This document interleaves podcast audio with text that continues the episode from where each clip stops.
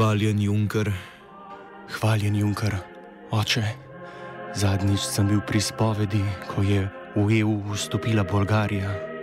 Moj greh je kršitev uredbe številka 604 skozi 2013 z dne 26. junija 2013.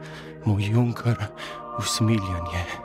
Jaz te odvežem tvojih grehov v imenu Evropskega parlamenta, Evropske komisije in sodišča EU. Za pokoro pa prižgi frekvenco 89,3 MHz in prisluhni offsajdu, ki ga v okviru projekta DIP podpira Evropski parlament.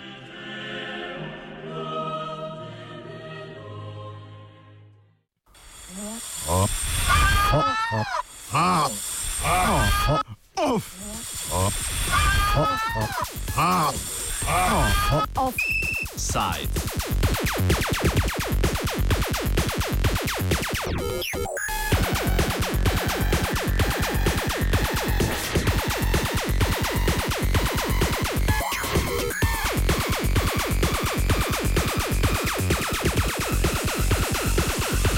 Destroy them with lasers.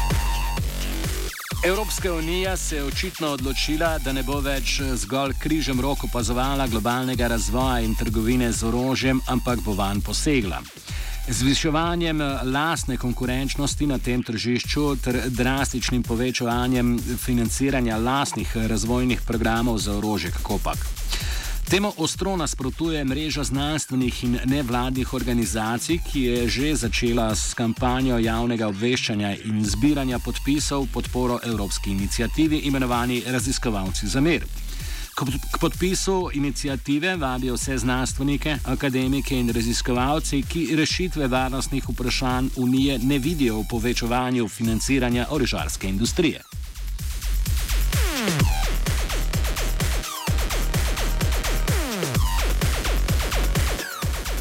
Kakor povzame Stuart Parkinson, direktor organizacije Scientists for Global Responsibility, so se prizadevanja Evropske unije v tej smeri formalno začela leta 2016, ko je Evropski parlament potrdil predlog imenovan pripravljalna dejavnost za obrambo obraziskovanje, krajše PADR.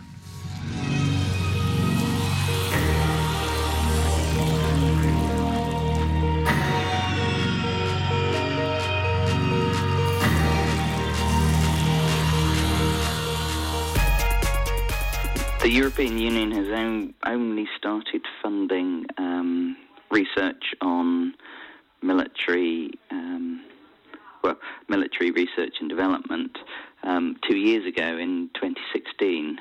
Um, it started with um, a couple of pilot projects worth around one million euros, and um, a succession of decisions very quickly since then have been made, which has ramped up um, repeatedly the amount of money to be spent in this area. So now the proposal um, is that um, over the period 2019-2020, with the um, EU institutions are, are, thinking about spending over 500 million euros and then um, the spending for 2021 um, to 2027 would be 13 billion euros.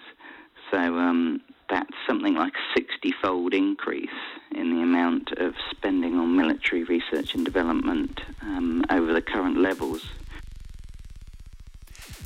Padar je 90 milijonov evrov sredstev, razporejenih v letih od 2017 do 2019, namenil specifično odpiranju možnosti za sofinanciranje razvoja orožja strani Evropske unije. Tudi letišča Sedu, predstavnica Evropske mreže proti trgovini z orožjem, projekt Padar vidi zgolj kot začetek večjega obrata Unije k izdatkom za obrambo. So indeed, as you said, um, there was a kind of small funding that has started in the previous years, in particularly what was called a pilot project and now a preparatory action for military research. Uh, so this was with rather modest amount of money, about 90 million uh, euros for the preparatory action. But indeed, now they are going a step further. So um, for the for the moment, for example, they are going to uh, dedicate half a billion uh, euros now to the development of new weapons or military technology. So the kind of second phase of a research and development process. So this is what is really in the pipeline for the next two years. And then the big, big plan, I would say, is the, the fact to create a European defense fund and to feed it with 13 billion euros from the EU budget for the years 2021 to 2027. Že sedaj pet uh, članic eh, Evropske unije, Francija, Nemčija, Velika Britanija, Španija in Italija, skupaj zaseda drugo mesto za ZDA po tržnem deležu izvoza orožja. Leta 2015 je to obsegalo okoli 26 odstotkov globalne trgovine.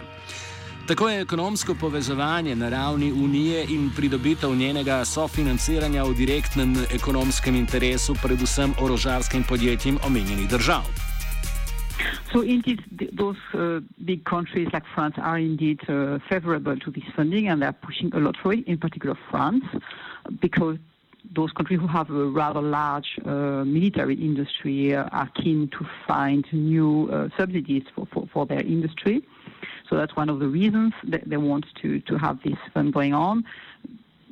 To say it very roughly, for example, the idea is that France would be happy that Europe pays for the French industry, which is supposed to be one of the biggest ones uh, in terms of military industry in Europe. So they are indeed very interested, and and one uh, possible impact will be that uh, the main beneficiaries of this funding will be uh, those big countries and their, and their companies even if there are uh, there is some money earmarked and some bonus to involve uh, SMEs from from other countries, but generally speaking, those big countries who will have the capacity to present projects will be the ones receiving probably a good part of this money. So that's uh, for sure one of the motivations they have behind. And what we fear is that because they will be producing more weaponry and new weaponry, this will encourage more exports uh, outside, uh, outside the EU. Da je z logiko več orožja, več miru nekaj narobe, je lahko jasno vsakemu, ki nima profitnega motiva v tem sektorju gospodarstva. A po mnenju pobudnikov inicijative je v javnosti premalo razprave o tej problematiki, saj, so, uh, saj se jo z, z, zagrinja v samoumevnost vračanja izdatkov za varnost v negotovih časih. Indeed, we, we are indeed opposed, both uh, ASENAT and the Researcher for Peace initiative. We are opposed to this uh, European Defence Fund. Uh, because, as we said, um, well, first we think that it's not economically uh, a tool for growth and jobs, and even many um, defense experts recognize that this is not the main reason of being for European Defense Fund. So there is no economic rationale to invest in this sector. That's the first point. The second point is um, that we also fear that um, this fund will also help develop controversial weapons like drones, like autonomous weapons, and even lead us towards the development of what we call fully autonomous weapons that, that is well known also as killer robots. The technology is there, and we fear that this uh, fund will really encourage to develop these kind of weapons just for the sake of technological superiority and uh, economic uh, gain because one of the advantages of the European industry is uh, the technological advance advancement. So they need to sell kind of new, more complex, more advanced technology to face uh, the competitors. CEDO podarja, da gre tudi za specifično vprašanje, kakšno orožja se razvijajo. Že od projekta Padar dalje je namreč jasno, da je za voljo ohranjanja konkurenčnosti evropske industrijske financirane uh, namenjena predvsem visokotehnološkim produktom, kot so denimo robotske enote, tudi posem avtonomne, lasersko orožje in podobno, kar res ne pomaga ustavljati globalne orožarske tekme, kvečemo obratno. Um, and for us, there is there a danger which relates us to the political problems, which means that it is feeding the global arms race. Uh, it is feeding the development of dangerous weapons like drones and like uh, autonomous weapons that uh, are contested at international level by researchers and by peace groups as something very dangerous in terms of development of wars and not respecting international law. And uh, we consider that we are already spending a huge amount of money in military spending for a decade, for two decades, and we don't have peace. So that's probably not the best way to go to peace. And that the EU should better fund all the types of research and all the type of actions about how to resolve conflicts in, in a more peaceful way, for example. Ekonomski argumenti predstavnikov institucij Evropske unije za investiranje v ta sektor gospodarstva gredo seveda v smer večanja zaposlitev in razvoja kot takega, kar se dovedi kot res plehek izgovor za lobiranje evropskega orižalskega lobija. The economic dynamic, I would say that um, officially, uh, the official discourse and the official economic justification is to say that uh, indeed this industry is an important industry with uh, that needs support in terms of growth and employment um, because they, they need, uh, yeah, they would create more jobs and that would contribute to job and growth in Europe. So that's the first official aspect, which is something we contest because for a number of reasons uh, related to um, to public procurement, to lack of transparency, to corruption, etc., etc. Uh, the military economic sector is a dysfunctional sector. It's not a traditional sector that works like any other one. And there are a lot of studies showing that this is not the best sector where you can invest if you want to create jobs and growth. So that's the first point. Vse več držav tekmuje na globalnem trgu prodaje orožja, zato tudi potreba po ohranjanju konkurenčne prednosti, dokler in uh, kakor jo lahko. Evropska podjetja se tega povsem zavedajo. Indeed there is an increased competition, unfortunately, in the world about arms because you have many countries, China, of course, but also Turkey, Brazil, uh, South Africa. You have a number of countries who want to have their their, their slice of the cake of the arms uh, sales in the world, which are really a big, a big uh, sales sector.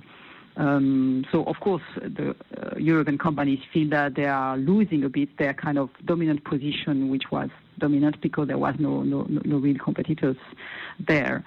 And we don't think that just putting more money will resolve that because uh, the arms industry is also related to political issues and to geostrategical issues. So the fact is that European industry is losing their, their first position and they just want to preserve their profits for a bit longer uh, rather than try to really uh, shift the economy to other, other priorities which would be less, uh, less problematic. Sedo opozarja na znano dejstvo, da ima orožarska industrija močan lobby v evropskih institucijah. Ne gre le za prodajo orožja, pač pa tudi za varnostne opreme. Indeed, this is exactly, one of the main reasons or main channels through which uh, the arms industry got this funding. They are indeed an important lobby actor in Brussels. Uh, the reason is because many of those defense companies or military companies are also active under security.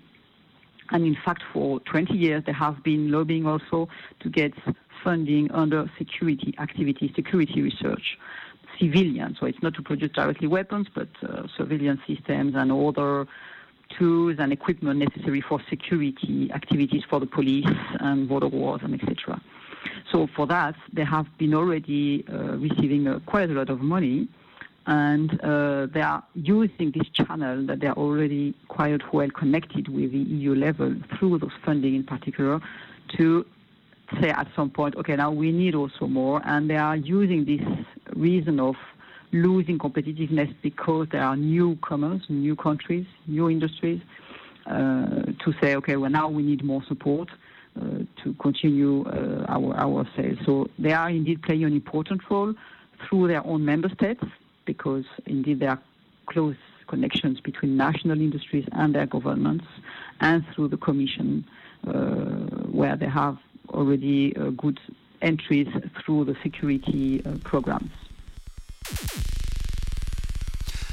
Kot zanimivost dodajmo še, da se na vkljub pritiskom strani državnega vrha ZDA, da naj EU poveča izdatke za obrambo, to ni zgodilo povsem tako, kot so američani želeli. Ti so si to zamislili na način, da bi Evropa kupovala več ameriškega orožja, ne razvijala svojega. Ko se je zgodilo slednje, so si zagotovili, da bodo podružnice ameriških podjetij nastanjene v Evropski uniji prav tako lahko sodelovali v programih sofinanciranja.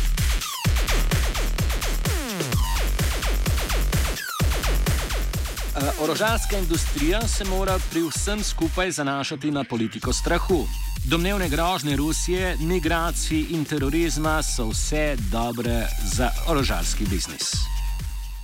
It's a combination of factors. The defense industry has been ready and pushing for this kind of, of funding, but they of course needed uh, also political reasons for it. And they have been extremely clever in using the opportunity of the current international context to justify that this is needed. So exactly, uh, the perceived Russian threats, the terrorist uh, attacks, the terrorism uh, problems in, in, in Middle East, um, migration flows, of course, it's supposed to be more security and police than military, but who knows? You know, there are kind of gray zone there, which which are a bit worrying. But indeed, they have been clever to use this context to say, okay, you politicians, you are facing this kind of problem, these threats, uh, feel of security, insecurity. We have solutions for you.